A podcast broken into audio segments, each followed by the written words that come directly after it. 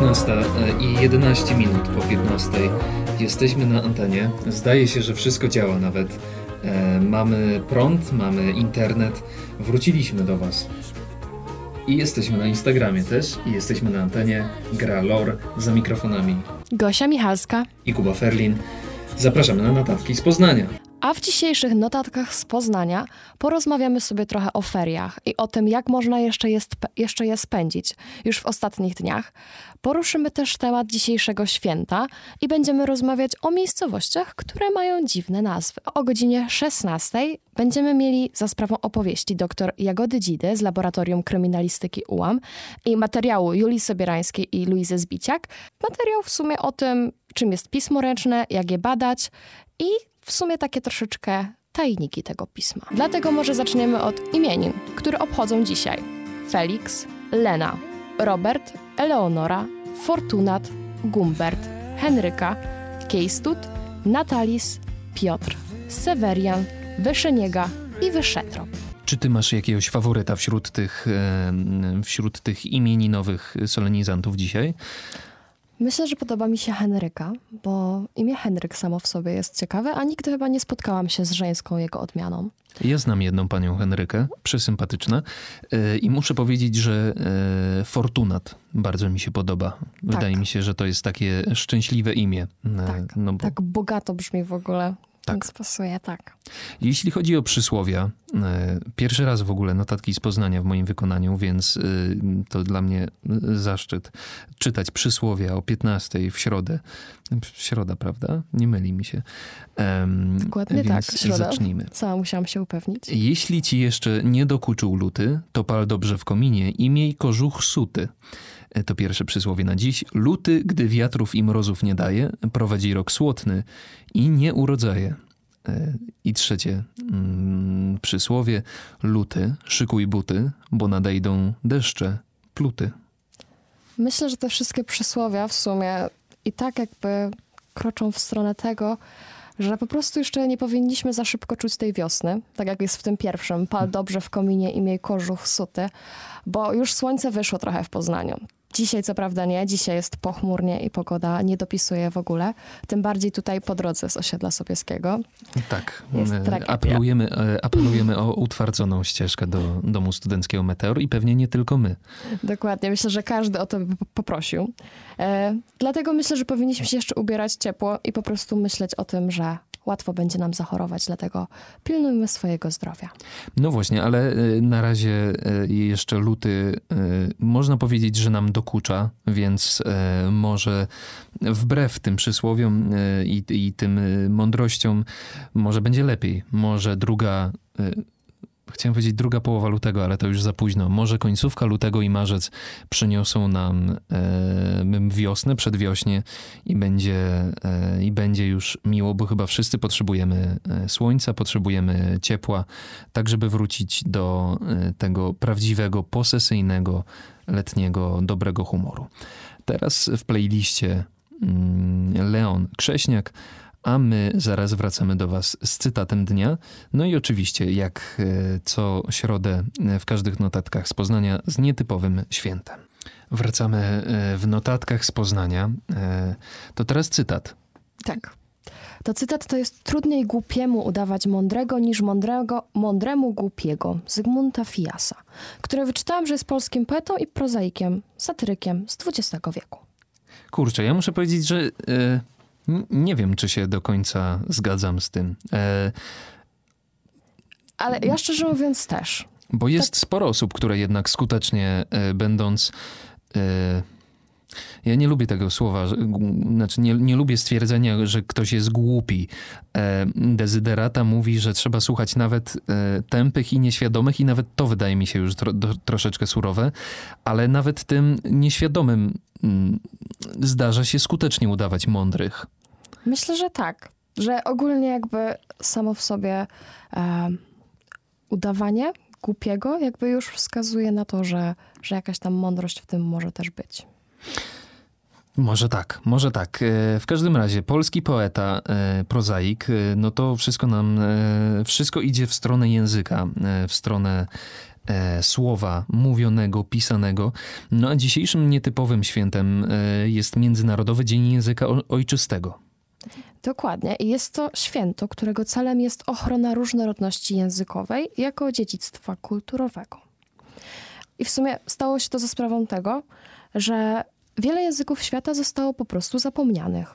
I główne przyczyny, jakby, z powodu, które powodują to, to migracje społeczne, wymieranie narodów lub też nadużywanie wyrazów obcojęzycznych, które wchodzą na tyle jakby do danego kraju, że automatycznie ich dany język po prostu zanika.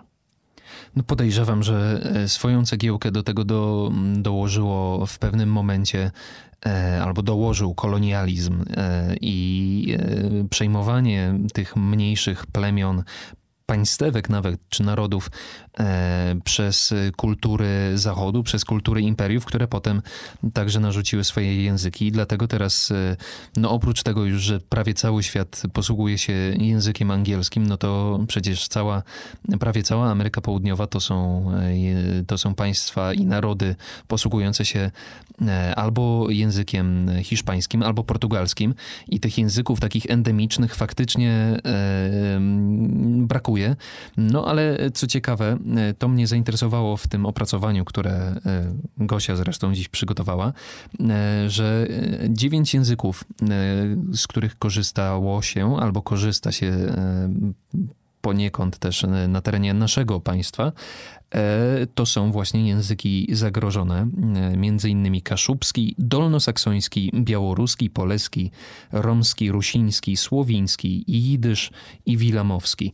Wydaje mi się, że e, to, że tam jest język kaszubski, to, że mamy język romski, to chyba wszyscy wiedzieli, tak samo jidysz, ale muszę powiedzieć, bez bicia się przyznaję, że nie wiedziałem, że jest taki język jak dolnosaksoński też bym nie wiedziała, ale też moja pierwsza myśl, jaka przeszła po zobaczeniu tego, to to, że rzeczywiście, gdybym, ja przynajmniej, nie znam nikogo, kto potrafi się posługiwać jednym z których, ogólnie z tych języków. Już jest to takie zanikające. No. Ale jeśli znasz, to, to nie powiem, zazdroszczę w takim razie. Ja też, ja też nie znam.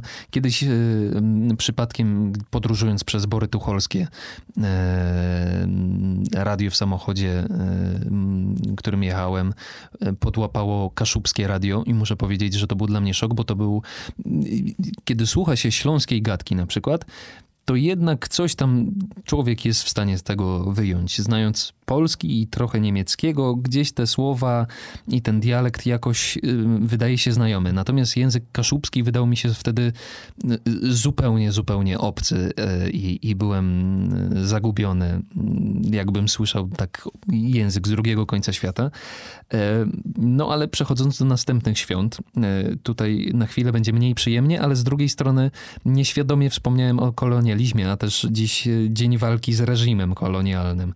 To chyba, to chyba nie przypadek. Międzynarodowy Dzień Języka Ojczystego i Dzień Walki z Reżimem Kolonialnym w tej samej dacie. E, no cóż, Tutaj wydaje mi się, że e, charakter audycji nie pozwala na to, żeby e, perorować i dyskutować o reżimie kolonialnym i o jego katastroficznych tak. skutkach, katastrofalnych nawet bardziej. Dlatego przejdziemy szybko do Międzynarodowego Dnia Przewodnika Turystycznego.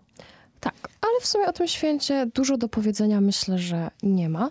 Jedynie co, to wiemy, że z okazji tego święta w wielu miastach można wziąć udział w bezpłatnym zwiedzaniu, właśnie z przewodnikami. Czyli coś takiego nowego, innego, a fajnie można sobie wykorzystać dzień i spędzić czas. No i te wszystkie tematy, no może oprócz tego dnia walki z reżimem kolonialnym nam się e, będą splatać w kolejnej e, części tej audycji.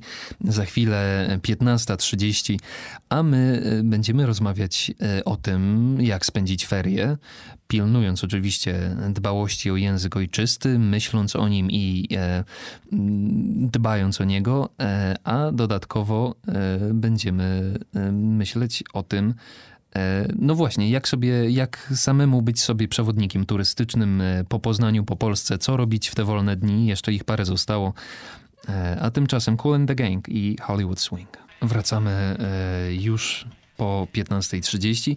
No i tak jak mówiliśmy, połączymy wątki e, pięknej polszczyzny, języka ojczystego i tego, co ma e, polski język e, najlepszego do zaoferowania i wątki turystyczne, bo tak to nam się dzisiaj splata z tymi świętami e, i okolicznościami. E, czy ty znasz jakieś piękne nazwy miejscowości? Bo do tego dążę nieuchronnie. Zbliżamy się do, do segmentu śmieszne, śmieszne miejscowości. Dokładnie, teraz wejdziemy w ten rozrywkowy aspekt. E, jedna miejscowość, jaka przyszła mi do głowy, to Sfornegacie. I okazało się, że znasz tą miejscowość. Ja nigdy tam nie byłam, ponoć piękna, ale jest to wieś położona w województwie pomorskim, w powiecie chojnickim. Tak. To są moje, e, no może nie takie bezpośrednio rodzinne strony, ale gdzieś tam od nogi rodu Ferlinów e, zawędrowały. I tak, z Fornegacie e, obok są Harzykowy, to znaczy jest jezioro Harzykowe i, i generalnie to są bory tucholskie. E, Tak mi się wydaje, że to są jeszcze bory tucholskie. E, Piękne miejsce, bardzo polecam. Można, e, można sobie zabrać rower i może w ładniejszej pogodzie błyszczy bardziej, natomiast warto to warto to miejsce odwiedzić. Ja chciałem powiedzieć, e, bo to e, też w mojej pracy pozaradiowej się ostatnio przewinęło, o miejscowości od wsi Brzysko-Żystewko. Bardzo mi się, bardzo mi się ta nazwa spodobała i to w ogóle dlatego jakoś e, ten segment mi wpadł do głowy. Brzysko-Żystewko obok Oczywiście, Brzyskorzystewa, tego dużego Brzyskorzystewa. E, nazwa tej niewielkiej wsi wzięła się od rzeczki, którą nazywano bezkorzyścią. Wydaje mi się, że to jest e, lekki strecz, ale wierzymy. E, Tak podaje portal polszczyzna.pl, więc e, e, trzeba zaufać.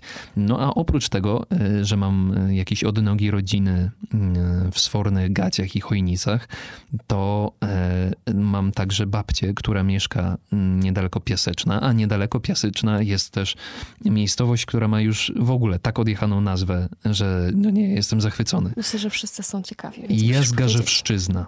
Jazgarzewszczyzna. Powtórzę. Jazgarzewszczyzna. J-A-Z-G-A-R-Z-E-W-S-Z-C-Z-Y-Z-N-A. Jazgarzewszczyzna. Ale wyobraźcie sobie mieszkać w ogóle w takich miejscowościach. To jest po prostu niepojęte, jak wiele osób musi je źle wymawiać. Jak ogólnie, problem pewnie dla niektórych też z pisownią może być, więc po prostu to jest... Ale nie powiem, ja, mi się najbardziej tak podoba nazwa Sfornegacie i chciałabym powiedzieć, że mieszkam w Sfornych Gaciach. Czy to sprawiłoby, że byłabyś wtedy sfornegacianką? Czy... Bo to jest kolejny problem, który mam z, z takimi miejscami e, na mapie. Jak e, określić ich mieszkańców? Z Jazgarzewszczyzną zresztą e, nie inaczej.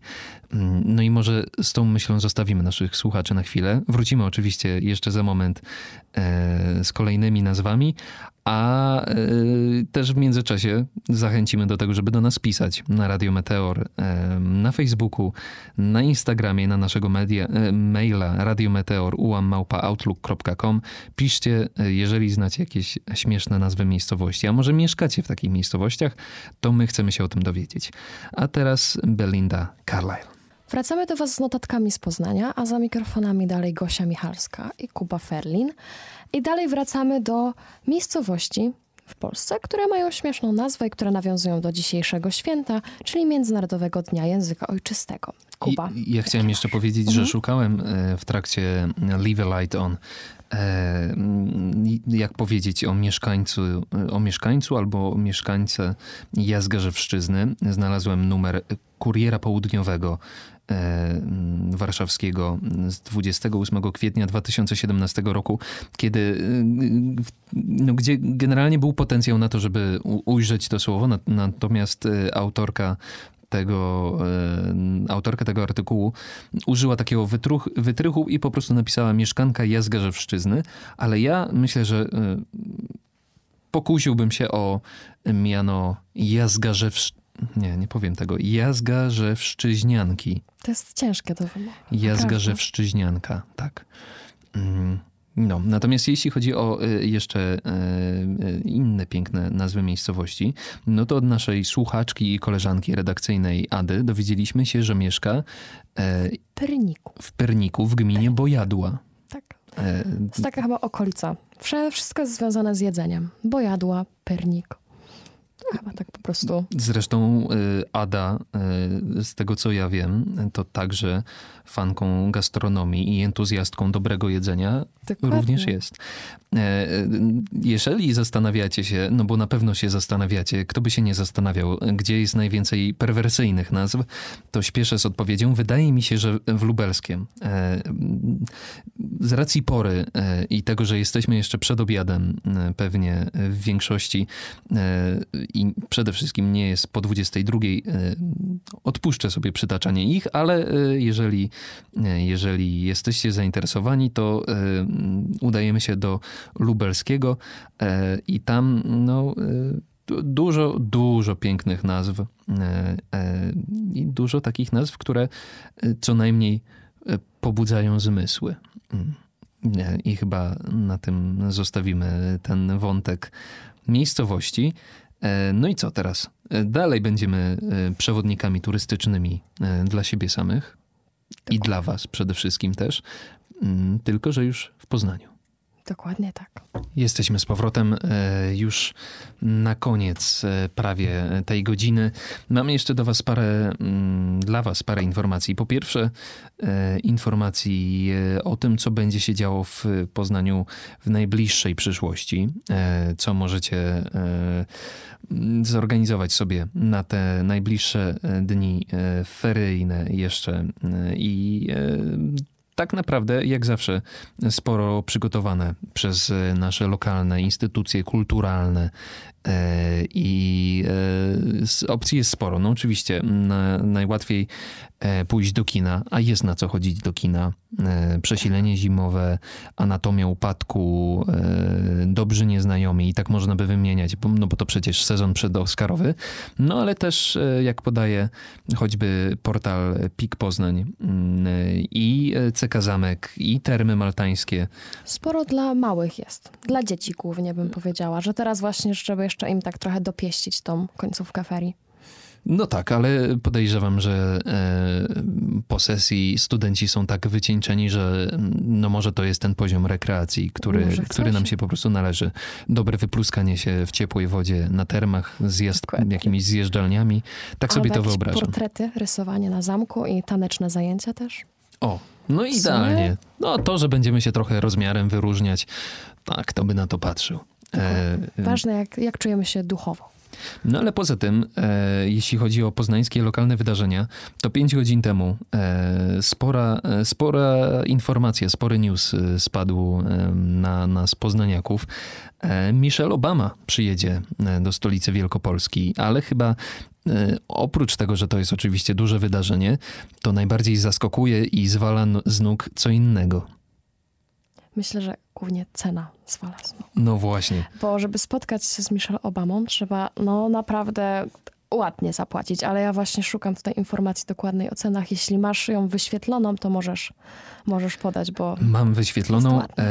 Chodzi o wydarzenie Impact 24, e, które odbędzie się 15 i 16 maja e, w Poznaniu. E, Oprócz byłej premier Finlandii Sanny Marin i e, aktora Jesse'ego Eisenberga e, pojawi się tam właśnie była pierwsza dama Stanów Zjednoczonych. Na razie na, za wejściówkę e, na to wydarzenie trzeba zapłacić 4900 zł, ale będzie jeszcze drożej, bo od dwu- 22 marca cena wzrośnie e, o 2000, a potem jeszcze o 1000 zł. Tańszy jest dostęp in- internetowy, e, który wynosi, którego cena wynosi 400 zł bez jednej złotówki. E, No, ale nadal to są naprawdę ceny, które robią ogromne wrażenie. Natomiast e, no, podejrzewam, że zapewnienie bezpieczeństwa takim, e, takim postaciom, jak już wymieniłem, to po prostu no musi są to spore kosztować koszty. coś, musi to kosztować. Skąd się wzięła ta kwota? Ale no mimo wszystko wiadomo, nie wszyscy będą mogli sobie na to pozwolić, ale no może chociaż właśnie ten dostęp internetowy, ale też z takich pozytywnych informacji z Poznania, e, o których ostatnio rozmawiałam z Adą, że poziom wody w Warcie wzrósł Tak teraz dowiedzieliśmy się, że poziom spada. We wtorek na wodowskazie najwyższa wartość to było 417 cm. Dzisiaj już jest to 415, więc niby 2 cm, ale już jest coraz lepiej w porównaniu do tego, że już był to jednak ten stan ostrzegawczy. Chociaż ja muszę powiedzieć, że e, naprawdę z zaniepokojeniem patrzyłem na to wszystko, jak, to, jak e, poziom warty rósł, e, gdyż mieszkam też w okolicach e, Berdychowa, Ostrowa Tomskiego i tak dalej i tam buduje się kładka teraz. E, I na dole zaraz przy warcie e, były takie kontenery, które po prostu e, były użytkowane przez pa- panów i panie i wszystkich budujących kładkę, kładkę berdychowską. I gdyby się w porę nie zorientowali, to te kontenery prawdopodobnie wraz z wartą popłynęły gdzieś na północ Polski, bo cały ten teren, który był wcześniej zajmowany przez budujących kładki, teraz jest pod wodą. Więc e, faktycznie robi to spore wrażenie. Sporo wzrosła ta woda, to racja. I ja patrzę jeszcze, jeśli chodzi o, o, o wydarzenia i, i mm, potencjalne atrakcje w Poznaniu. Patrzę na mm, stronę Muzeum Narodowego e, w Poznaniu. Mm, No i oprócz tego, że y, wiadomo, że teraz ograniczony jest dostęp do, do tej sali głównej i do tej głównej ekspozycji Muzeum Narodowego na Alejach Marci Marcinkowskiego, bo tam e, są remonty, no to sporo dzieje się e, chociażby w Muzeum Sztuk Użytkowych e, w Zamku Królewskim w Poznaniu, e, w Zamku Przemysła. E, Cały czas, cały czas jest wystawa mm, Srebra Funduszu Obrony Narodowej, Silvarerum, tak nazywa się to wydarzenie, gdzie można e, podziwiać ekspozycję, no właśnie e, sreber w różnej, e, w różnej formie. E, Motto tej wystawy to nie zmarnujcie niepodległości. Jeżeli kogoś interesuje numizmatyka albo po prostu lubi błyszczące e, rzeczy, to Zamek Przemysła to jest to miejsce, do którego się chce udać. E, No Mamy i czym się pochwalić w tym Poznaniu.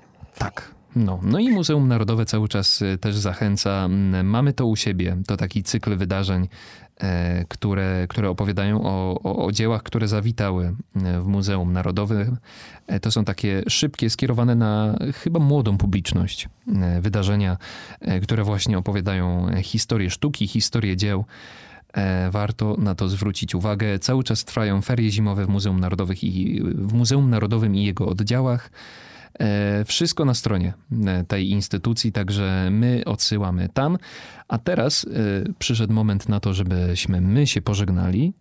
Dokładnie tak, ale zaraz będzie jakby materiał dziewczyn przygotowany przez Luizę i Julkę. Dokładnie. Jagoda Dzida była gościnią naszych redakcyjnych koleżanek o języku właśnie. A na razie my się żegnamy. Ja nazywam się Kuba Ferlin, I Gosia Michalska. A Dziękuję. w playliście Lech Janerka. Dzień dobry i witamy już w drugiej godzinie Notatek z Poznania, a druga godzina to będzie e, gość e, dzisiaj. E, Jak zawsze. Tak, w sumie jak zawsze. Dokładnie z panią doktor Jagodą Dzidą. Dzień dobry. Dzień dobry, witam serdecznie. Od innej strony, bo pani doktor jest z laboratorium kryminalistyki, zgadza się? Tak, zgadza się. Czyli nasi słuchacze mogą się domyślać już troszeczkę o co chodzi, a przynajmniej ci, którzy trochę w true crime siedzą, tak bym powiedziała. E, no bo czy, Luiza, czy my możemy powiedzieć, że mamy jedną konkretną myśl przewodnią? Bo ja mam tu takie pytania... Wydaje mi się, że trochę tak. E, Okej, chyba, chyba, trochę mamy taką myśl przewodnią. Znaczy, wiadomo, główną jest pismo ręczne, e, bo, bo tutaj to jest głównym tematem, ale wydaje mi się, że rzeczywiście mamy e, taką też myśl gdzieś tam mocno kryminalistyczną w tym wszystkim. E, To myślę, że chyba zaczniemy od, e, od pytań w takim razie. Jak najbardziej. Proszę, proszę cię, Luiza, zacznij. E, Bo ja tak zastanawiałam się, żeby zacząć od początku, można by powiedzieć. E, No bo właśnie, pismo charakterystyczne wydaje się. Pismo Odręczne. ręczne, ręczne, odręczne, wydaje się dosyć charakterystyczne dla każdej osoby. I zastanawiam się, jak w ogóle się je bada? Jakie są sposoby, metody, jak to przebiega?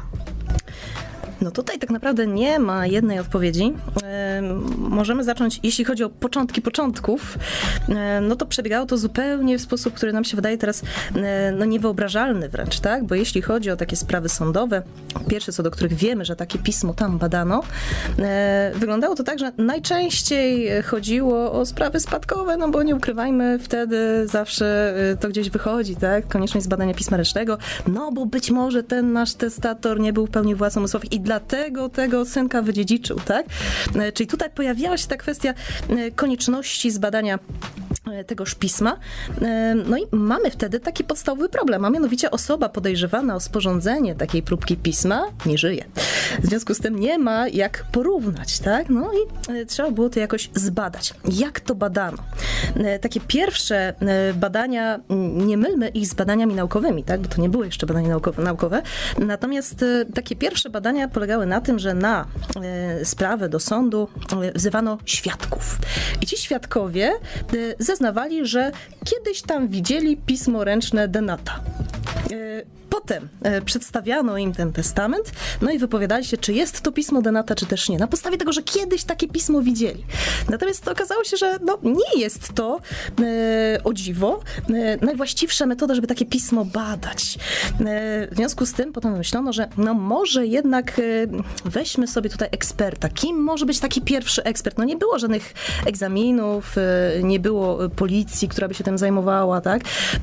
Nie było laboratorium kryminalistycznego żadnego. E, W związku z tym trzeba było jakoś z tego wybrnąć. Kto może takie pismo badać? Kto na tym piśmie może się potencjalnie znać? No i wybierano takie, e, nazwijmy dziś e, zawodami zaufania publicznego. E, Takim podstawowym zawo- zawodem zaufania publicznego był lokalny ksiądz, tak? Ksiądz miał księgi parafialne, ksiądz potrafił czytać, potrafił pisać. To już było coś w tamtych czasach, proszę Państwa. W związku z tym stwierdzono, że no, skoro jest to osoba, która na tym piśmie się zna, umie czytać, umie pisać, widziała wiele różnych charakterów pisma w życiu, no to taki ksiądz e, może być e, osobą, która będzie biegłym. No, no i ksiądz dokonywał tego w trakcie rozprawy. Patrzył na e, tą próbkę pisma i stwierdzał, że tak, jest to próbka pisma pochodząca od Denata, tak? Tutaj nikt tego nie podrabiał. Z czasem przestało to wystarczać. Tutaj myślę, że też nie będziemy się dziwić, że tak to, tak to przebiegało. No i pojawił się podstawowy problem, co z tym zrobić dalej, proszę Państwa. Pomysłów było wiele. E, Nawet do teraz mamy pewne problemy. No bo proszę powiedzieć, e, czym się zajmuje grafolog? Czym jest grafologia Państwa zdaniem? Jakieś pomysły? Mamy, przyznam szczerze, nawet takie pytanie w trakcie. Dokładnie. E, Bo to jest taki grząski grunt, mam wrażenie. Tak. Bo mam wrażenie, że nam wszystkim to się kojarzy bardzo mocno wyłącznie z kryminologią, tam odczytywaniem jakichś, e, jakichś listów samobójczych i tym podobnych rzeczy, albo porwań, jakichś e, prób okup, wymuszenia okupów? Tak. Jako polonistka nie umiem mówić, ale właśnie tutaj mam też taki, taką myśl trochę z drugiej strony właśnie polonistycznej, no bo u nas e, naukowo bardzo dużo mówi się o rękopisach i mam wrażenie, że grafolog to też jest osoba, która jest tak bardzo istotna w tej dziedzinie, żeby rozpoznać, czy jednak to był utwór, na przykład przypuśćmy z okresu, no przypuśćmy, nie wiem, barok lub coś w tym stylu, czy faktycznie to był ten autor, czy to była tylko osoba, która się nim inspirowała, więc ja czuję, że tutaj też mogą być jakieś powiązania, ale nie wiem, czy to jest prawda. Tak. E, No, intuicje są e, trafne. E, Tutaj no, grafologia, tak, nauka o piśmie, bardzo ładnie to brzmi. Brzmi to naukowo, tak, bo tutaj już mamy naukę, mamy, mamy coś, co przynajmniej brzmi naukowo. Natomiast w istocie jest tak, że jeśli zerkniemy do obecnie podstawowego źródła wiedzy, czyli do Wikipedii, proszę Państwa, no nie oszukujmy się, tak? E, No Wikipedia, nie słownik, tylko Wikipedia. E, Tam mamy różne znaczenia. Czyli mamy tego grafologa, e, który jest ekspertem, jeśli chodzi o pismo ręczne, ekspertem pismoznawczą, pismoznawcą najczęściej. I on faktycznie dokonuje tej indywidualizacji rękopisu, tak? Czy to pismo pochodzi od konkretnej osoby, czy też od kogoś innego. Czyli to, o co nam chodzi najczęściej w sądzie, tak? Jeśli chodzi o jakieś sprawy spadkowe. Natomiast mamy też drugie znaczenie, czyli grafolog jako osoba, która na podstawie pisma będzie się starała wysnuć wnioski natury y, psychologicznej tego osobnika, czyli dotyczące charakteru, osobowości. No i tutaj już mamy pewne kontrowersje, tak? Bo no nie jest to niestety stricte metoda naukowa. No bo teraz co? Budzimy się rano. Jest, e, dajmy na to, taki poniedziałek, tak? Początek tygodnia jest strasznie, tak? Bez kawy ani róż. No i jednak próbujemy coś zapisać na kartce papieru. E, Czy nam wychodzi, czy nie, to inna kwestia, ale próbujemy, tak? Zanim się jeszcze obudziliśmy. E, Później jemy śniadanie, e, wychodzimy e, do, na uczelnię, do pracy, e, piszemy coś w trakcie wykładów. E, Dalej jemy sobie obiad, tak? Później kolejne wykłady. W końcu wracamy do domu, znowu coś piszemy. I teraz proszę sobie wyobrazić, pod koniec dnia porównujemy te trzy notatki, które zrobiliśmy w ciągu dnia. Czy to nasze pismo wygląda tak samo? I okazuje się, że nie, tak? Rano pisaliśmy w inny sposób, no bo się jeszcze nie obudziliśmy. E, W południe, kiedy już byliśmy dobudzeni, byliśmy, no, no można powiedzieć, w pełni sił, tak? O ile jest to możliwe przy poniedziałku, bo stwierdziliśmy, że jest to poniedziałek. E, Pisa, piszemy inaczej. To pismo wygląda już bardziej czytelnie, e, bardziej tak, że można je komukolwiek pokazać. E, No i pisaliśmy coś wieczorem, tak? Czyli znowu e, opadliśmy z sił. E, No i widzimy, że to pismo się od siebie różni. E, I teraz nie są to różnice na tyle drastyczne, żeby ekspert, pismoznawca, czyli ten pierwszy, e, no powiedzieliśmy już sobie, że jest to takie znaczenie potoczne grafologii, tak? Czyli ten biegły pismoznawca e, nie mógłby wywnioskować, że pismo należy, pochodzi od jednej osoby. E, Natomiast no, te różnice są znaczące, tak? Możemy mieć inne nachylenie pisma, możemy mieć inny kierunek wiersza, tak? Bo to pismo na początku dnia, kiedy byliśmy no jeszcze nie tak dobrze obudzeni, gdzieś tam wiersze kierowały się ku dołowi, później stały się wierszami prostymi, tak? Później pod koniec dnia znowu może być to nieco inaczej. E, Różni się też wielkość pisma. E, No w związku z tym widzimy, że gdyby tak teraz spojrzeć na to, co ci grafolodzy w znaczeniu numer dwa, e, czyli ci, którzy wnioskują na, pod- na podstawie pisma o naszym charakterze. E, Gdyby spojrzeć na te cechy, na podstawie których oni wnioskują, i teraz w tym momencie otwieramy sobie taką e, teoretycznie, tak, otwieramy książkę do grafologii, były takie podręczniki w latach 90., 2000, była na to moda, tak. E, Patrzyliśmy sobie, że na przykład e, e, no, sprawdzamy sobie, czy to pismo jest duże. Duże pismo e, świadczy o tym, że jest to osoba e, wesoła, otwarta, przyjazna, lubiąca podróże. Małe pismo, osoba skryta, tak? E, Skryta, dajmy sobie na to, chytra, tak? Sknerus. No i co? Rano jesteśmy inną osobą niż po południu i niż wieczorem? No nie zgadza nam się, tak? No, grafologowie się tłumaczą, że to chodzi o takie idealne warunki, czyli gdyby człowiek był zupełnie wypoczęty, miał do dyspozycji wszystkie możliwe narzędzia pisarskie, wszystkie możliwe podłoża, tak? Czy to papier, e, czy to e, dana osoba chciałaby sobie na czymś innym napisać, na jakiejś wyprawionej skórze, tak? Z tych wszystkich potencjalnych materiałów e, miałaby sobie coś wybrać, to wtedy mielibyśmy taki rękopis analizować. No ale no nie oszukujmy się, w życiu codziennym tak to nie wygląda, tak? W związku z tym, jeśli coś analizujemy, to to nie jest ze wszystkich możliwych opcji ta jedna, e, najbardziej optymalna dla nas, najwygodniejsza, taką, którą my sobie wymyśliliśmy, wymarzyliśmy, tylko najczęściej łapiemy to, co mamy pod ręką, tak? E, Dostosowujemy do sytuacji. No nie mamy wpływu na to, czy jesteśmy zmęczeni, czy nie. Już teraz nie, tak? Dzień wcześniej mogliśmy iść wcześniej spać, natomiast teraz już się nie da. E, Nie mamy do dyspozycji y, idealnej pozycji pisarskiej, bo musimy gdzieś tam taką karteczkę y, napisać w biegu. W związku z tym już nie siadamy, tylko stoimy i gdzieś tam y, jakoś próbujemy o coś się oprzeć.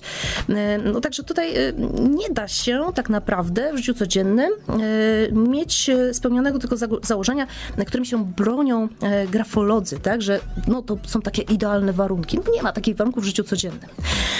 W związku z tym, no, już tutaj widać, że, że ta grafologia w tym takim znaczeniu analizy charakteru, cech osobowości, no, nie do końca będzie miała charakter naukowy, tak? Tutaj niektórzy się bronią, że ogólnie ta grafologia, sensu largo, to taka najbardziej ogólna nazwa, obejmuje wszystko, czyli obejmuje tą grafologię sądową, z której wyewoluowało pismoznawstwo i e, obejmuje też chociażby tą grafologię, która już nam e, ewoluuje w, w stronę wróżbiarstwa, tak, w stronę horoskopów, e, że to jest wszystko w, w granicach tego jednego, natomiast no, ta naukowa jest tylko ta jedna, tak, ta grafologia sądowa i później już to, co ewoluowało z tej grafologii sądowej, czyli stricte pismoznawstwo. No, natomiast no, widać tutaj pewien dysonans. E, Czyli co? E, Czyli taki biegły, jeśli chce być naukowcem, no to często jest tytułowany grafologiem, bo tak po prostu się przyjęło, tak? Tak w życiu codziennym e, nazywamy takie osoby.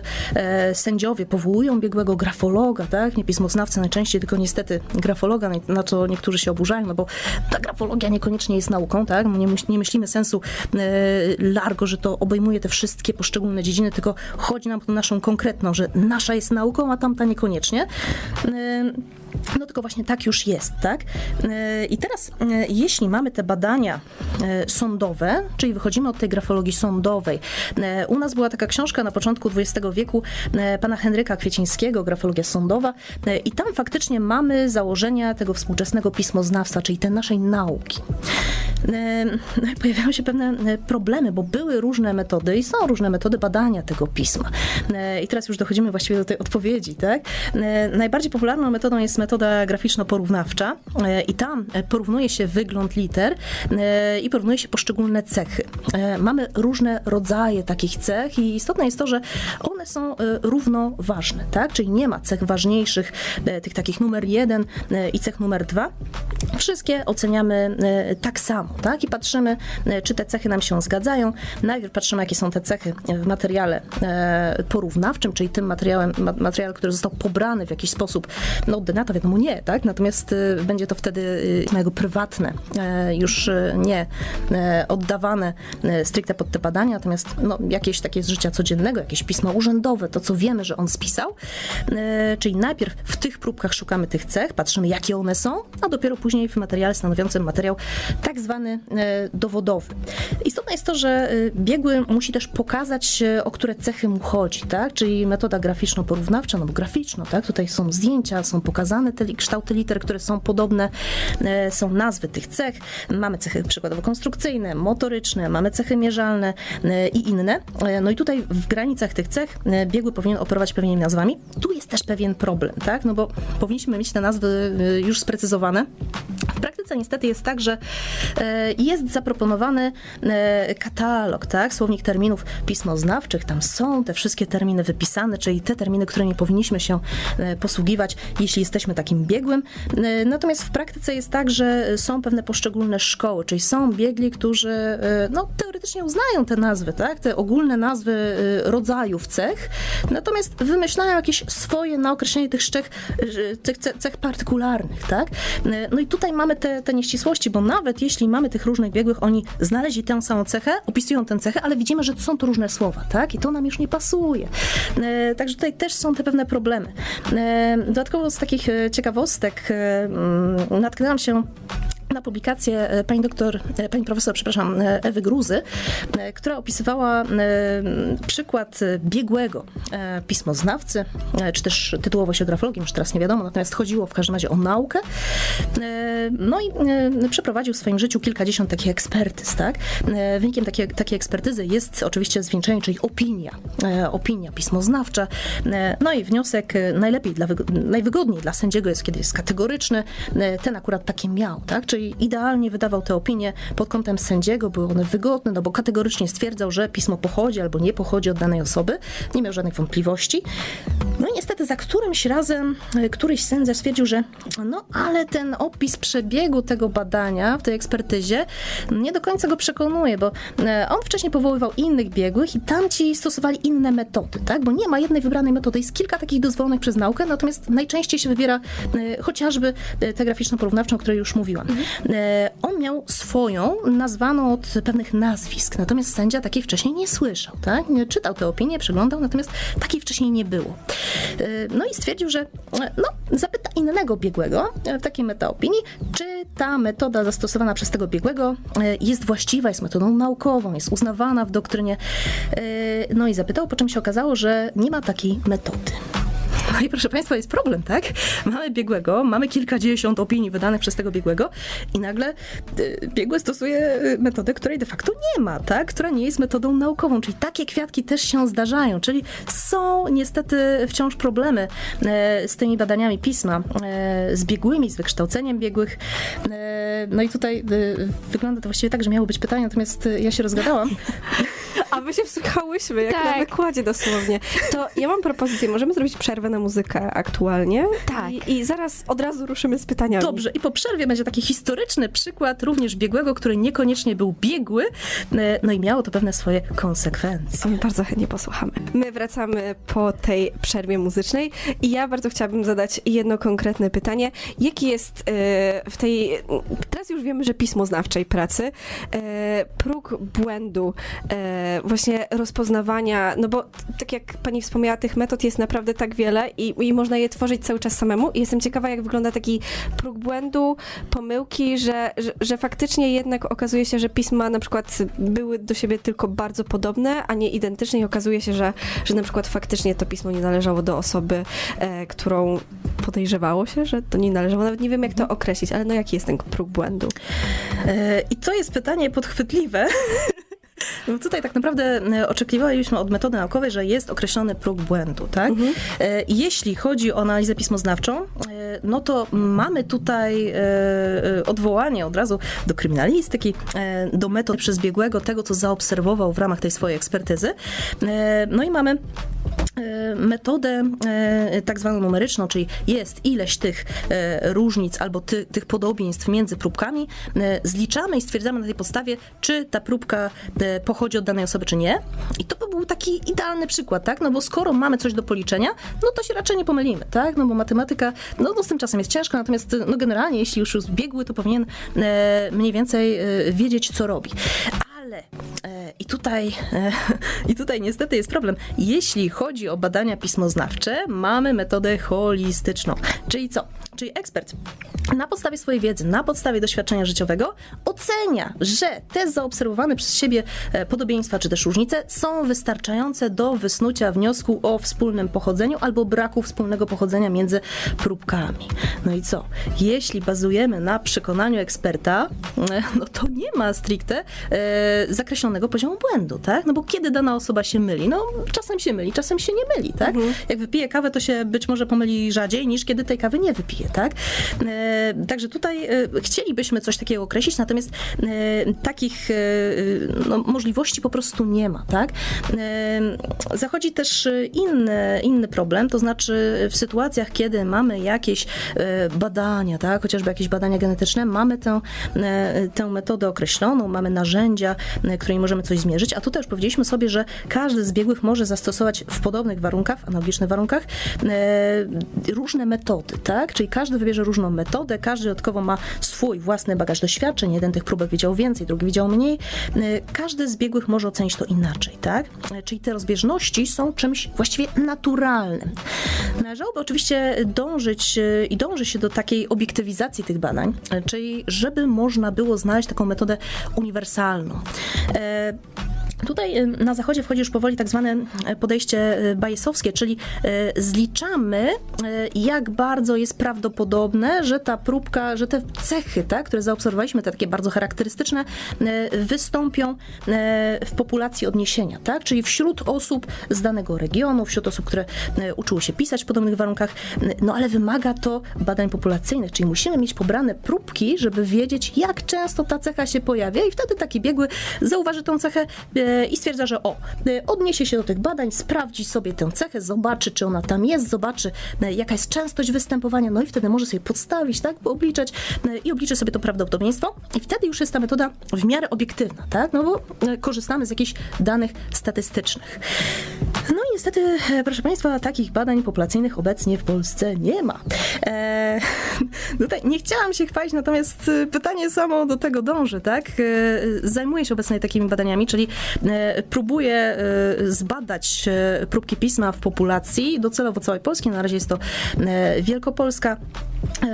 Pobieram, właściwie proszę probantów o udział, tak? bo jedynie mogę wysłać takie formularze. Tam się pisze poszczególne litery, poszczególne cyfry, wyrazy i zbieramy tak, żeby uzyskać docelowo bazę danych i wtedy można obliczyć faktycznie taką częstość, czyli jak często dana cecha, która może być później wykorzystywana przez biegłego, występuje w tej populacji odniesienia tak żeby docelowo e, móc zobiektywizować te badania, czyli wyeliminować te potencjalne błędy, tak? Czy biegły wypiłkawe, czy nie wypiłkawe, no e, chcemy dążyć do czegoś e, więcej, tak? Tak, żeby osiągnąć lepsze efekty, żeby móc obliczyć chociażby ten poziom błędu, tak? Bo jeśli już mamy jakąś bazę danych, no to możemy porównać te poszczególne cechy do tej bazy, no i widzimy, czy jest to cecha rzadko występująca, czy częściej występująca, kiedy ta cecha występuje, no można już te badania w jakiś sposób taki bardziej zobiektywizowany przeprowadzić. Natomiast na tym etapie y, jest to niemożliwe, tak? Wiemy, że te błędy się pojawiają. Y, z drugiej strony mm, nie udało się znaleźć dwóch do tej pory, tak, na całym świecie, dwóch osób, które miałyby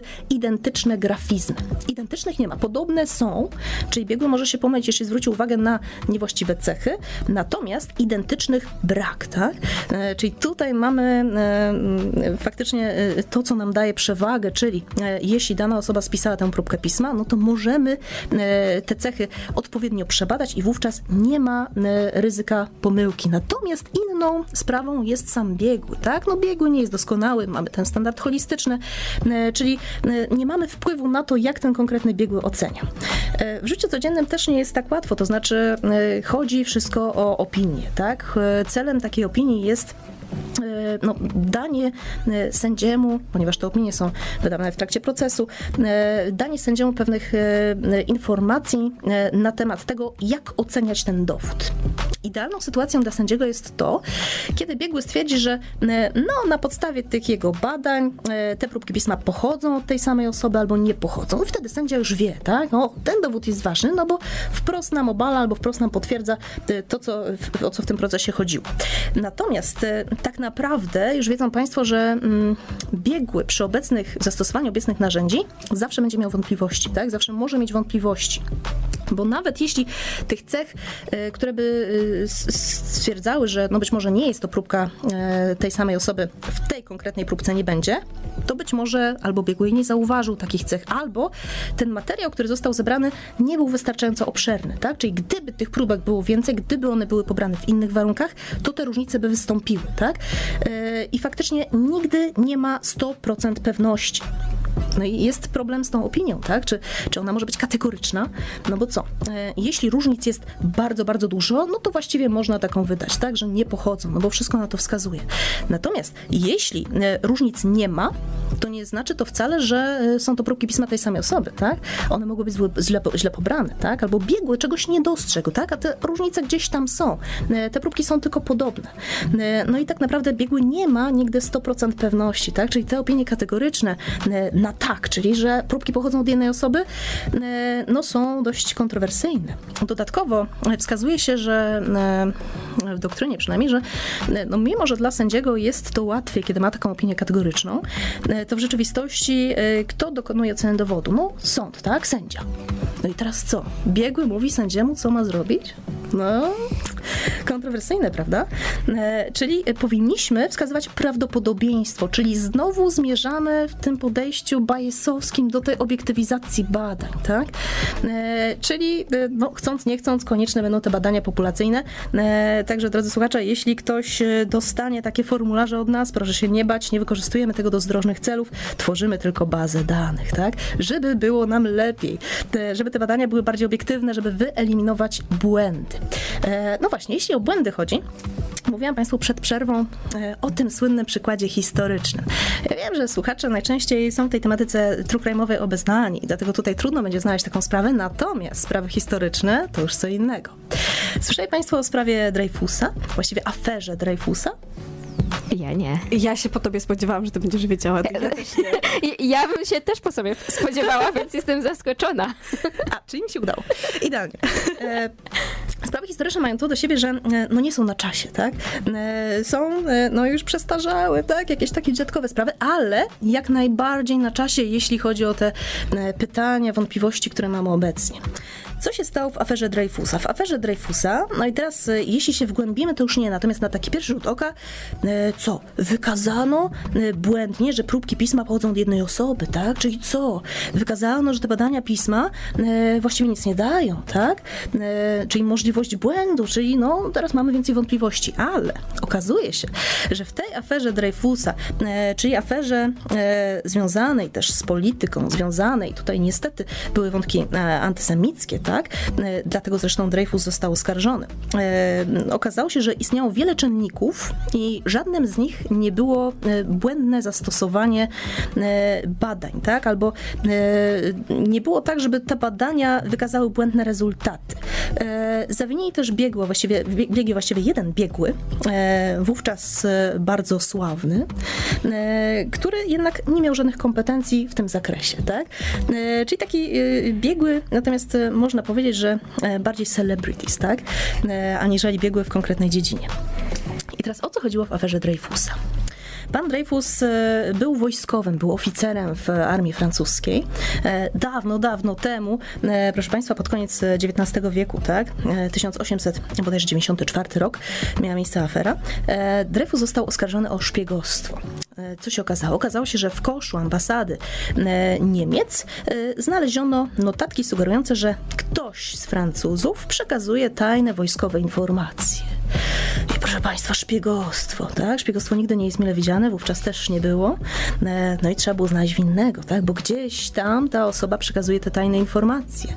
E, na kogo padło? Padło na biednego Dreyfusa. E, I teraz Chodziło o to, że zbadano charakter pisma e, na tej notatce rzekomo przekazującej te informacje wojskowe, e, no i stwierdzono niby, e, że jest to pod, charakter pisma podobny do e, charakteru pisma Dreyfusa.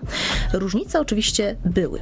Natomiast e, biegli w sprawie, no, wezwano tam aż pięciu biegłych, e, natomiast e, jednym z tych biegłych, biegłych, tym, który wydał taką opinię kategoryczną, że to na pewno jest pismo Dreyfusa, e, był Bertillon. Alphonse Bertillon e, był osobą wówczas znaną we Francji z tak zwanego Bertillonarza. on pomagał łapać przestępców, proszę Państwa, tak?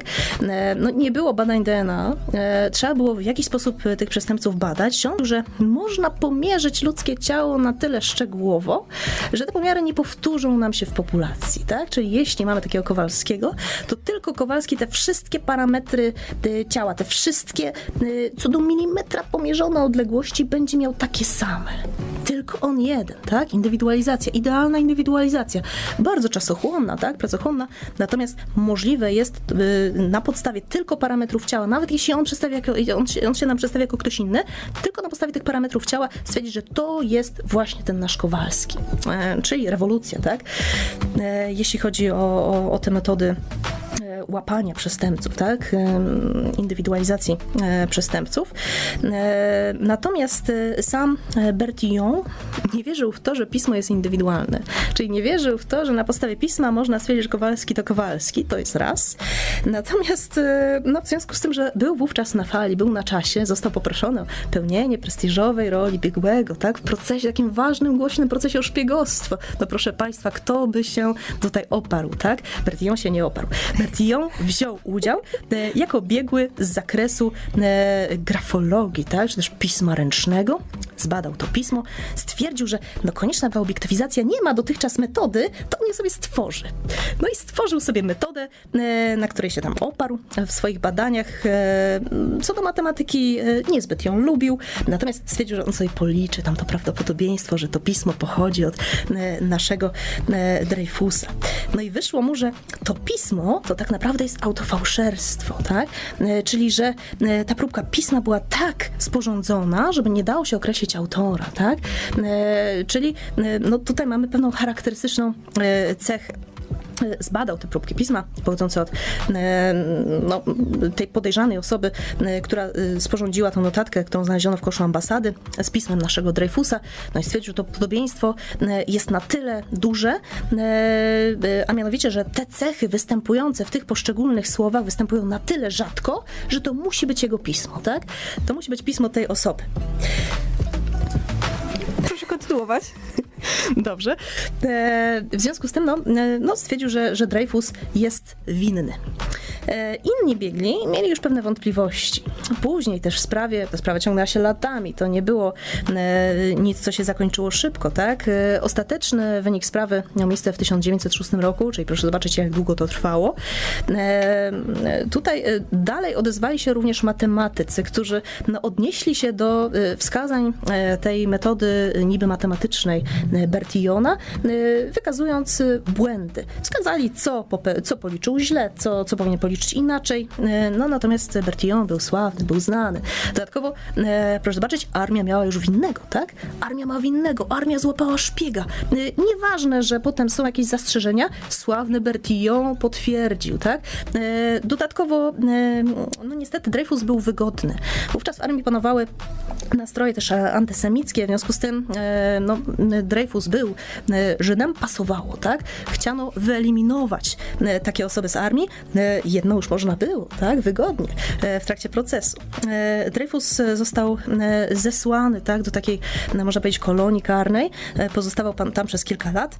Co jakiś czas był wzywany, ponieważ był jeszcze drugi proces w tak zwanym międzyczasie, natomiast również wówczas go oskarżono i już nie dlatego, że faktycznie ten dowód przeprowadzony przez Bertillona wydawał się wszystkim prawdopodobny, ale dlatego, że co by trzeba było zrobić? No skoro za pierwszym razem skazał go Trybunał Wojskowy, to za drugim razem trzeba by stwierdzić, że Trybunał Wojskowy nie miał racji, tak? No i no, nie było to wygodne, żeby stwierdzić, że armia się pomyliła. No bo co? Komu można zaufać, tak? No niewygodnie. W związku z tym ponownie go skazano. E, zastosowano teoretycznie jakieś okoliczności łagodzące, których w ogóle nie było w przepisach, tak? E, zaliczono mu odbywanie tej kary, którą zdążył już odsiedzieć, natomiast e, miał siedzieć jeszcze kolejne 5 lat na tym swoim zesłaniu. W 1906 roku bodajże został ułaskawiony przez prezydenta. No, no my sytuację trochę znamy, tak? Ułaskawienie przez prezydenta, tak?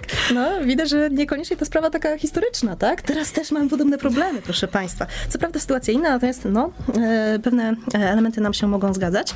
E, natomiast e, no, ostatecznie Dreyfusa uniewinniono, tak? Stwierdzono, że nie było żadnych dowodów, które by przemawiały za tym, że on sporządził tę próbkę pisma. No ta opinia wydana przez Bertiona była bardzo mocno podważana, tak? krytykowana. Także ona się e, nie ostała. E, sam Bertillon dużo na tym stracił, tak? Jego, jego wizerunek jako nieomylnego, no, jeśli faktycznie wykazano już, że popełnił błąd, e, na tym mocno ucierpiał. No tutaj po wielu latach został też przywrócony do służby wojskowej, otrzymał odznaczenie wojskowe, został awansowany, no ale co spędził na tym zesłaniu, to, to spędził, tak? Tego już mu nikt nie wróci. Kto był faktycznie winny? Bo taką osobę też znaleziono, proszę Państwa. Winny się znalazł. Okazało się, że w tym samym nomen omen koszu na śmieci było też podziękowanie dla pana Esterhaziego, tak? E, pana, który nie był Żydem, natomiast był arystokratą, był lubiany, był wpływowy, był bogaty. No trudno było kogoś takiego skazać, tak? No jak? No mamy tego Dreyfusa, który nam pasuje, tak? Którego chcemy się i tak pozbyć z tej armii. No teraz taką osobę wspaniałą mam skazać, no jak? No niewygodnie. Natomiast Esterhazy e, później został skazany, tak? No wykazano, że to był on, bo tamto pismo pasowało do niego, tak? Y, dodatkowo y, y, no, miał podziękowanie takie imienne wystawione przez ambasadę za te przekazane informacje. Z tym trudno było walczyć, tak? W czasie całego procesu Dreyfusa to te dowody oczywiście wyszły na jaw, natomiast próbowano je skutecznie nawet maskować, czyli osoby, które odkrywały prawdę, były relegowane na jakieś niższe stanowiska, odsuwane od służby, tak? Sprawy próbowano w jakiś sposób zatuszować, natomiast to się nie udało. Ten proces Dreyfusa stał się głośny e, chociażby dzięki e, takiemu artykułowi napisanemu przez e, Zole, tak? Jacques, tak? Oskarżam. I tam opisał całą tą aferę Dreyfusa. No i wtedy mleko się rozlało, proszę Państwa, i nie dało się tego nijak zatuszować, tak? Dzięki czemu zresztą prawdziwy winny został znaleziony, a samego Dreyfusa nie tyle ułaskawiono, co nawet no, starano się mu wynagrodzić te wszystkie trudności, tak? Doświadczone. Czyli sprawa historyczna, e, niekoniecznie true crime'owa, natomiast myślę, że jeśli chodzi o pismo, e, bardzo wiele wniosków z tego płynie, tak? E, nie polega to na tym, że proszę Państwa, te badania pisma na nic się zdają, no bo dwie osoby mogą mieć takie samo pismo. Nie. Tam ta sprawa była mocno kontrowersyjna, to raz, tak? Źle zbadano te próbki. Biegłym była osoba, która nie była biegła w tym zakresie, tak? Była po prostu sławna.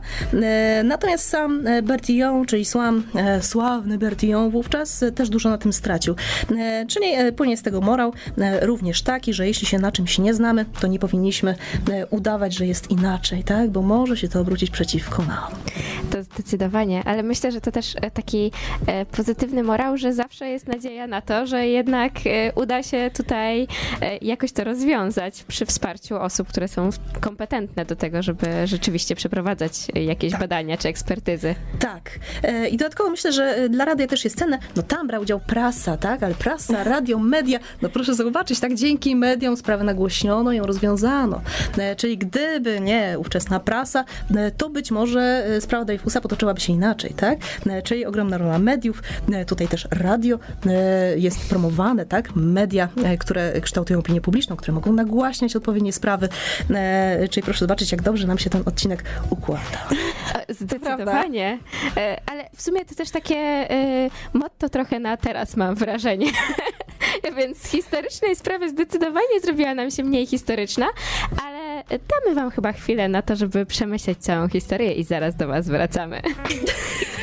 tak symultanicznie chciałyśmy zacząć i wrócić do was jednocześnie, E, ale tym razem ja tutaj e, w takim razie zacznę, bo już ustaliliśmy na początku, że e, nie wszystko da się wyczytać z pisma, o tak bym to powiedziała, ale jednocześnie, że jest bardzo indywidualne. Więc co tak naprawdę można z tego pisma wyciągnąć, że tak powiem? Jakie na przykład informacje, e, które są przydatne na przykład w sprawach kryminalnych? Jakie informacje? E, mamy pewne cechy, które bardzo trudno jest podrobić, tak? Dodatkowo, jeśli e, mamy przypadki, kiedy, kiedy ktoś podrabia czyjeś, czyjeś pismo, czyjś charakter pisma, skupia się na tych cechach, które są najłatwiejsze do zauważenia, natomiast innych e, nawet nie zauważy, tak? Jeśli o czymś nie wie, co jest w tym piśmie, no to tego nie podrobi, tak? Dodatkowo e, zostawia też te cechy typowe dla siebie. O ile w krótkiej e, notatce łatwo będzie te cechy ukryć, to już jeśli mamy jakąś taką rozpiskę na parę stron, no to gdzieś tam te jego własne cechy będą się przebijać, tak? Czyli chcąc, nie chcąc się ujawni. Tylko trzeba zwrócić uwagę na e, właśnie odpowiednie e, cechy. Em, ustaliliśmy już sobie, że na podstawie pisma nie można zdecydowanie e, powiedzieć nic na temat charakteru danej osoby, tak? Czy lubi podróże, czy też nie, czy jest miła, czy też nie, tak? Czy jest skąpa, tak? Proszę wyobrazić, wspaniałe to by było, tak? Patrzymy tylko, notatka, tak? Robimy jakiś anons do gazety, szukamy sobie małżonka, czy też szukamy sobie żony, prosimy o charaktery pisma, tak? E, no i dana osoba nam e, coś opisuje, e, tekst na jedną stronę, a my patrzymy, tak? O, według grafologów, tutaj to świadczy o tym, że ta osoba jest skąpa. No to nie skreślamy kandydata, tak? Bierzemy kogoś innego. Tutaj to świadczy o tym, że dana osoba jest wesoła, przyjazna, lubi podróże. O, ktoś dla nas, tak? No niestety tak się nie da, tak? Niestety to nie, nie działa. Badamy różne cechy yy, i tak jak już sobie powiedzieliśmy, tych cech jest bardzo, bardzo wiele. Mamy kilka głównych kategorii cech, natomiast yy, w ramach każdej z tych kategorii tych cech jest kilkadziesiąt, kilkaset, nie wszystkie są nazwane, tak? Yy, Także tutaj trudno jest sprecyzować, na czym dana osoba będzie się skupiać. Chodzi po prostu o to, w jaki sposób my piszemy i to będą te cechy motoryczne, tak? To jest tak naprawdę nie do podrobienia, no bo każdy z nas w jakiś sposób tą rękę gdzieś tam sobie podpiera, będzie mieć tendencję do pisania w taki, a nie inny sposób, tak? Cechy konstrukcyjne, czyli w jakiś sposób kreślimy te litery, tak? E, I tutaj ta konstrukcja, konstrukcja znaków oczywiście może się różnić, jeśli chodzi o e, poprzednią literę, czy następną, bo inaczej wtedy kreślimy taką literę. E, Natomiast będzie to wciąż taki zestaw typowych dla nas nawyków pisarskich. No i rolą biegłego jest znalezienie tego zestawu nawyków. Stąd te próbki muszą być odpowiednio obszerne, tak? One muszą być odpowiednio pobrane, ale to już inna kwestia. Czyli nie ma takiej pojedynczej cechy, na której należałoby się skupić. E, wie, wiemy już, że, że, że grafolodzy mogliby się już z tym nie zgodzić, czy tacy pierwsi, tak? Ci nienaukowi. E, Tutaj jeszcze e, powiedzmy o tej e, grafologii może. E, I od razu się wyjaśni też, e, jak to się stało. Nie wiem, pani już nie, natomiast kiedyś przyuczano osoby leworęczne do pisania prawą ręką. O tak. Tak? Jeszcze pani się załapały? Ja pośrednio, bo moja koleżanka z liceum właśnie jeszcze gdzieś tam była przestawiana, bo jak to, e, mańkut, jak to się mówiło, to Tak. nie, mogła, nie mogła pisać lewą ręką. Ja też pośrednio, moja kuzynka była tak przestawiana, dosłownie jej przypinali bandażem rękę i Zbrodnia, proszę Państwa. A wiedzą Państwo, skąd to się wzięło? E, z grafologii. E, autorem jednej z takich pierwszych e, książek, takich pierwszych publikacji grafologicznych, e, o nazwie po prostu grafologia, tak, czy studium grafologii, tam były różne te nazwy, różne tłumaczenia, był Cezare Lombroso. Cezare Lombroso jest też autorem książki Człowiek zbrodniarz, czyli na podstawie kształtu czaszki, na podstawie twarzy, tego jak ktoś wygląda, on uważał, że może stwierdzić, czy dana osoba jest przestępcą albo jest predestynowana do bycia przestępcą, tak? No wówczas były takie tendencje, że no może na tej podstawie można by takie osoby izolować ze społeczeństwa, zanim przestępstwo popełnią. No proszę Państwa, zero przestępczości, tak? Nikt nie popełnia, bo już widzimy, tak? Ten jest przestępcą, można go odizolować, e, ale to już inna kwestia. I ten sam Cezary Lombroso zajął się też grafologią. Nieprzypadkowo. W swojej książce e, dotyczącej grafologii e, zawarł wszystkie swoje przekonania. E, nie lubił osób leworęcznych. Tutaj e, wykazano, że, że osoby chociażby pochodzenia żydowskiego, czy osoby e, z krajów e, arabskich mają tendencję do pisania lewą ręką, tak? Czyli tam jest więcej osób leworęcznych niż no, chociażby w Polsce, tak? Jeśli chodzi o populację e, polskiej, taki przeciętny będzie osobą praworęczną, natomiast tam ta tendencja jest odwrócona. No to co? Jeśli nie lubimy tych ludzi, no to teraz stwierdźmy, tak, że pisanie lewą ręką jest złe. Co zrobił Lombroso? W swojej książce stwierdził, że no, skoro osoba praworęczna to jest osoba, o której mózg funkcjonuje prawidłowo, e, no to teraz jak ktoś pisze lewą ręką, to ma upośledzone funkcje mózgu. Czyli co? E, mówiąc e, słownictwem Lombroso, idiota, albo osoba o cechach atawistycznych, tak, czyli takich pierwotnych, czyli znowu ktoś niegodny zaufania, tak? No i proszę zobaczyć, jak długo to pokutowało. Od książki Lombroso, w której stwierdził, że osoby leworęczne to te, u których mózg funkcjonuje nieprawidłowo, aż do teraz, no do kilku lat wcześniej, tak? Mieliśmy to przekonanie, że leworęczność jest zła, tak? Bycie, e, tak jak już pani powiedziała, mankutem jest czymś złym, tak? Dlaczego? Dlatego, że Lombroso tak uważał, a potem wszyscy to po, po, powielali, tak? Czyli od grafologii, tej pierwszej, proszę nie mylić z grafologią naukową, z pismoznawstwem, bo ta jest dobra, e, ta jest naukowa, tak? Proszę nas nie złościć. E, Ta pierwsza, ta grafologia, która jest tylko pseudonauką, Ta pierwsza grafologia zrobiła nam tyle złego, tak? E, Osoby leworęczne były przyuczone do pisania prawą ręką, bo nie wypada, tak? Bo nie można pisać lewą ręką, bo to jest coś złego. Nie, proszę Państwa, to nie jest nic złego, tak? E, My e, w żaden sposób nie dyskryminujemy ludzi, tak? My badamy to pismo, my po prostu staramy się dociec, czy dana osoba sporządziła tę próbkę pisma, czy też nie, tak? Czy te próbki pisma pochodzą od jednej osoby, czy też nie. E, To jest coś jak najbardziej e, poprawnego. Mamy też e, możliwości, jeśli chodzi o pismo, e, wnioskowania na temat takich cech bardziej ogólnych. E, W, krymino, w, w kryminalistyce, tak, tutaj nie mylić z kryminologią, bo to jest coś innego. E, Kryminologia to jest taka nauka o przestępstwie, dlaczego popełniane są przestępstwa, w jaki sposób popełniane są przestępstwa, statystyka, gdzie i kiedy i dlaczego te przestępstwa są popełniane. Natomiast e, kryminalistyka jest to nauka o śladach, tak, czyli o tym, jak wykryć na podstawie tych śladów sprawcę. I w kryminalistyce mamy trzy takie podstawowe rodzaje badań. Tych badań jest więcej, natomiast trzy są takie główne. Badania identyfikacyjne, klasyfikacyjne i indywidualizacyjne. I teraz te badania pismoznawcze, o których sobie powiedzieliśmy, to jest ta indywidualizacja, czyli chcemy stwierdzić, że to Kowalski sporządził daną próbkę pisma. Natomiast mamy też pozostałe dwa poziomy. Poziom pierwszy, identyfikacja, czy jest to pismo ręczne? No i wydaje się to banalne, tak? No bo widzimy, że coś jest pismem ręcznym. Proszę Państwa, niekoniecznie. Okazuje się, że kserokopie są też podobne, tak? E, Czyli można się pomylić. Dodatkowo e, wchodzą niestety tak zwane maszyny piszące, tak? Na popularnych portalach na literę A e, i niekończących się na O. E, Można e, nabyć takie maszyny. E, One są podłączane do komputera, można wczytać swój charakter pisma. W specjalne ramię maszyny wstawia się długopis, czy też jakiś pisak, flamaster, pióro, cokolwiek i maszyna odwzorowuje na podstawie wgranego oprogramowania nasz charakter pisma. No i co? Wygląda jak pismo ręczne, a naszym pismem ręcznym nie jest. Ale maszyna wie, jak my piszemy, tak? I potrafi to odwzorować. Będzie to za parę lat duży problem. Teraz jeszcze te maszyny są niedoskonałe i dobry biegu jest w stanie wykryć, że to pisała maszyna, a nie człowiek. Natomiast e, no, w przyszłości będzie to dużym problemem. I to jest ten pierwszy rodzaj badań, tak? Ten podstawowy badania identyfikacyjne. Coś jest pismem ręcznym albo nim nie jest, tak? Badamy te cechy. Drugi rodzaj badań e, to badania e, klasyfikacyjne, czyli można określić pewną grupę potencjalnych źródeł śladu, czyli grupę osób, które mogłyby taką próbkę pisma stworzyć, tak? Jeśli nie, jeszcze nie tego jednego Kowalskiego, który sporządził, ale do jakiej grupy należy ten Kowalski? Czy jest to pismo męskie, czy pismo żeńskie? Czy y, jest to pismo osoby leworęcznej, czy praworęcznej? E, czy jest to osoby, e, pismo osoby być może na coś chorej, czy też niekoniecznej, bo niektóre choroby się odzwierciedlają w piśmie. Czyli na podstawie pisma te takie ogólne cechy, bardziej ogólne, można też zbadać, tak? Czyli można przykładowo stwierdzić, że jest to pismo osoby leworęcznej. E, no i tutaj bada się chociażby kierunek kreślenia przekresów, bada się owale, bada się smużenie, no bo osoba leworęczna, jeśli to pismo ręczne kreśli, no to chcąc nie chcąc będzie sobie mazać po tym tekście, tak? Może sobie rękę odwrócić, tak żeby po tym piśmie nie mazać, natomiast jest to pozycja niewygodna czyli można to ustalić. Dalej e, możemy też ustalić e, płeć osoby. Pismo męskie i pismo żeńskie.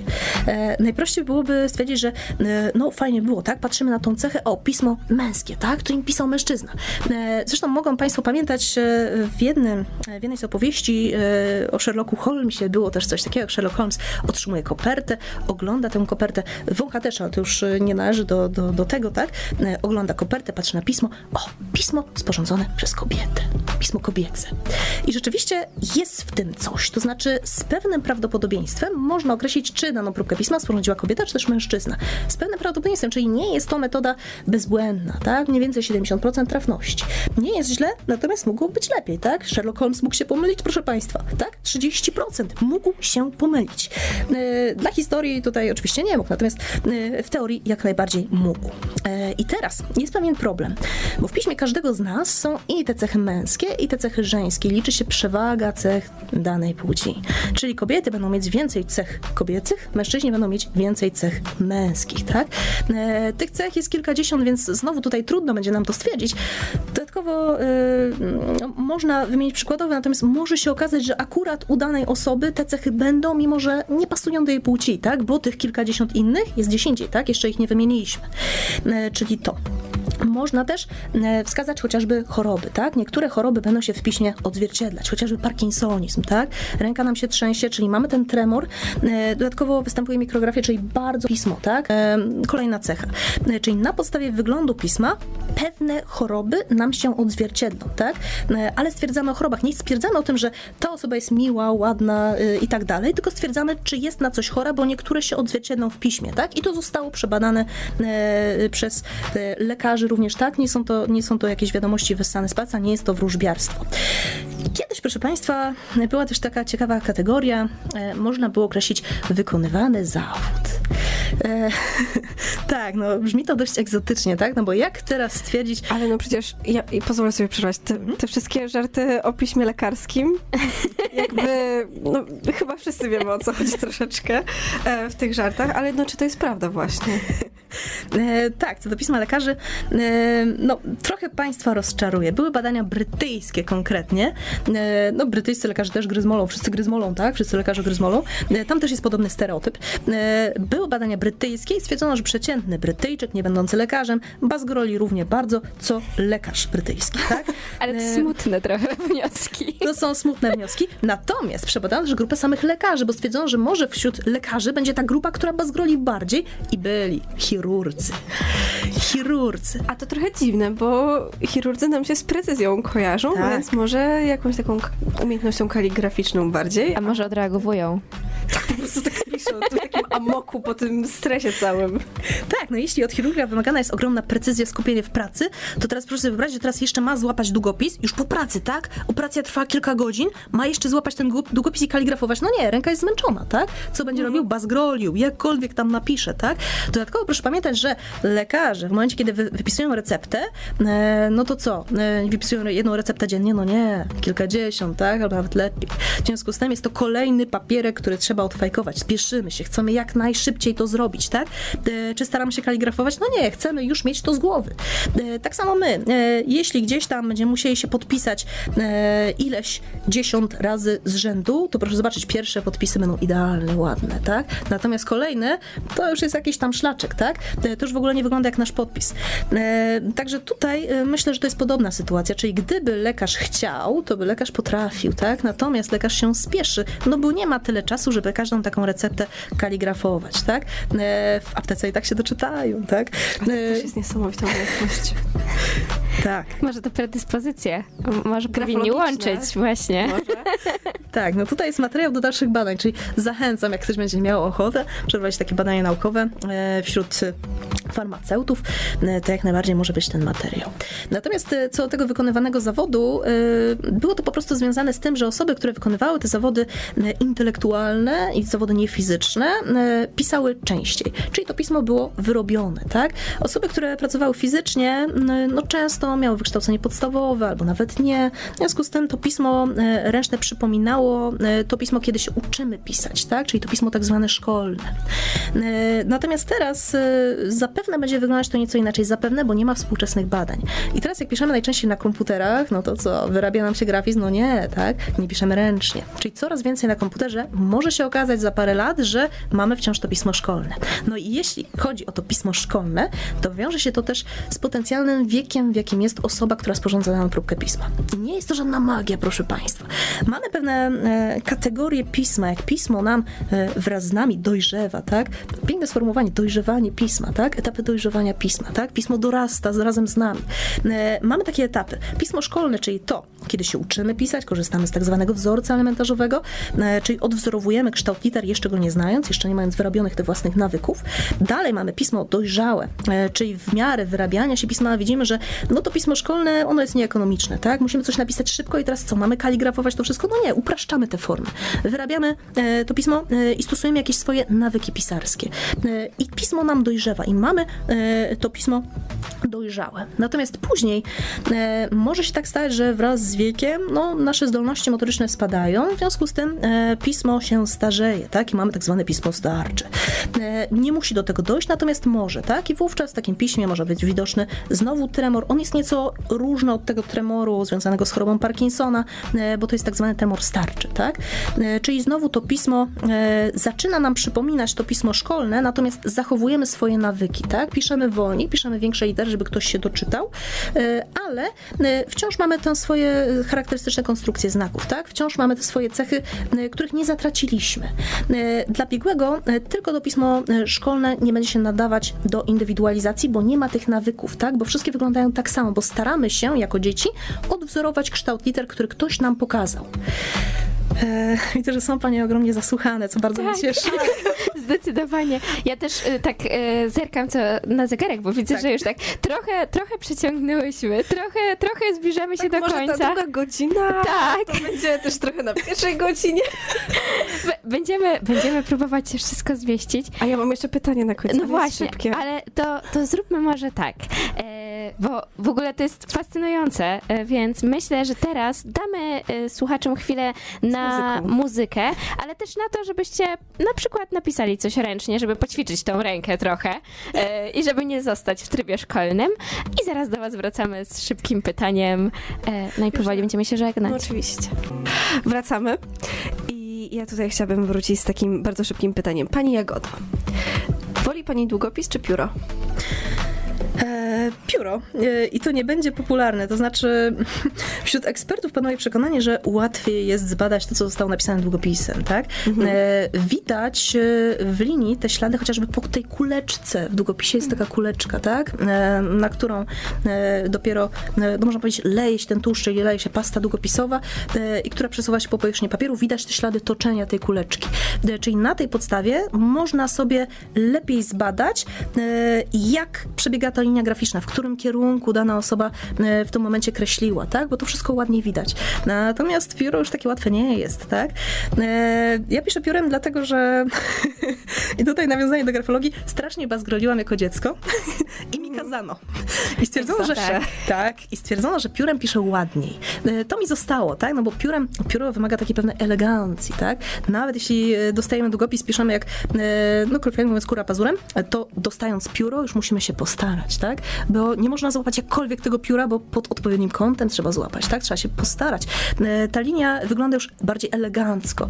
Natomiast no, jest oczywiście trudniejsza do badań, e, dlatego z reguły e, biegli wolą długopisy, tak? Pasy długopisowe, nie pióra kulkowe, nie pióra te klasyczne, atramentowe, no bo tutaj nie można tej linii graficznej aż tak dobrze zbadać, tak? Natomiast z wygody, z tego, że można bardzo szybko pisać i nie widać, że prywatnie ktoś bazgroli, wybieram pióro. Ale to ciekawe akurat. Bardzo ciekawe. I to też jest taka niestandardowa odpowiedź, bo zazwyczaj większość ludzi mówi, że pióro jest takie szlachetne. Tak. Ja się z tym spotykam na przykład na studiach. Ale y, myślę, że to też miły akcent właśnie na zakończenie.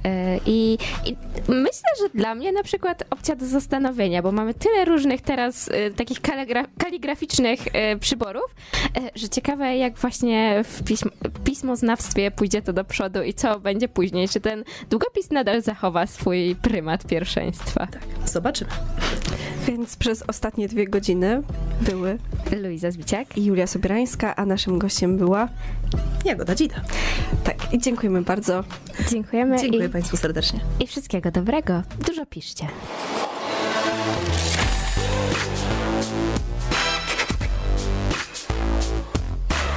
Notatki z Poznania.